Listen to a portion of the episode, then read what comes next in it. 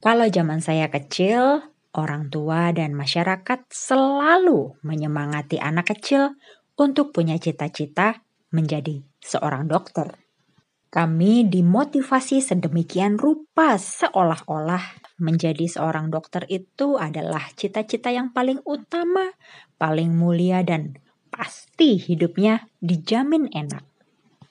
Jadi dokter, cita-cita yang bikin baper. Sayangnya nggak semua orang otaknya pinter.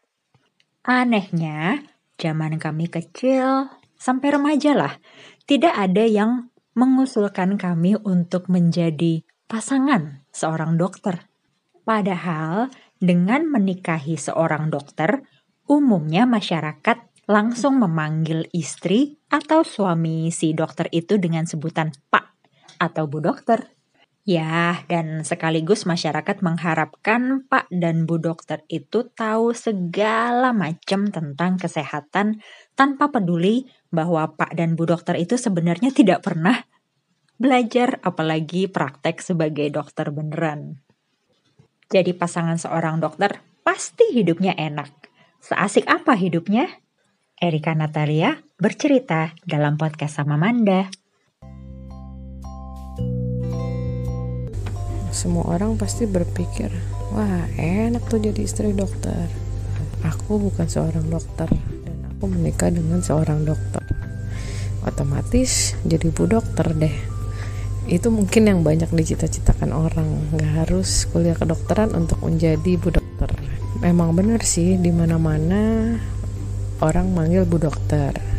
Uh, terutama kalau tinggal di pinggiran kota aku nggak nyaman loh dipanggil bu dokter.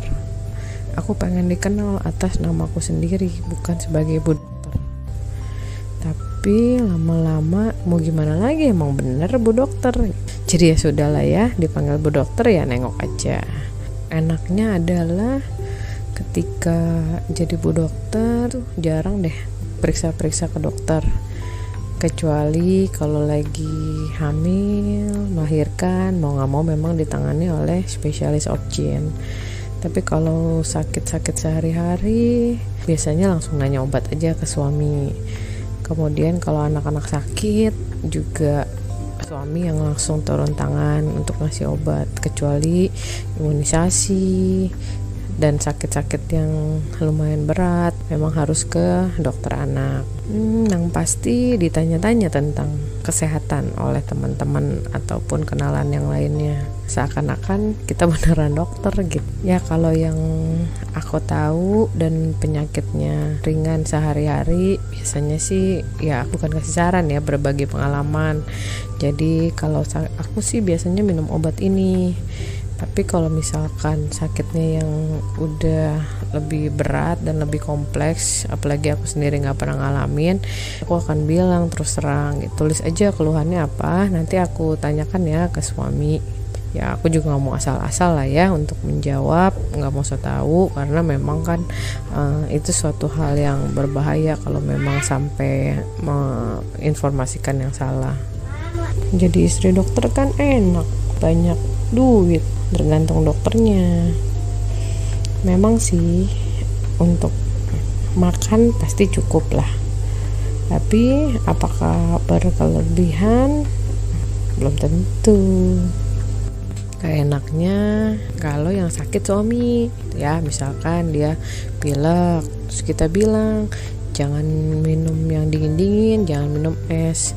Jawabannya adalah kan yang dokter saya kan tinggal minum obat nah bingung kan lagi kalau udah dibilang gitu ya sudah terserah uh, bukan berarti aku tidak cinta dengan suamiku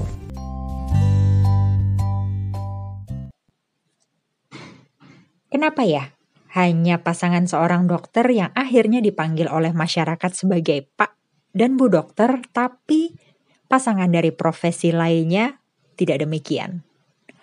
Mungkin karena setiap hari seorang dokter harus bergelut dengan nyawa, dan tanpa dukungan penuh dari pasangan, hal itu tidak mungkin terjadi. Tidak mudah kan jadi pasangannya dokter?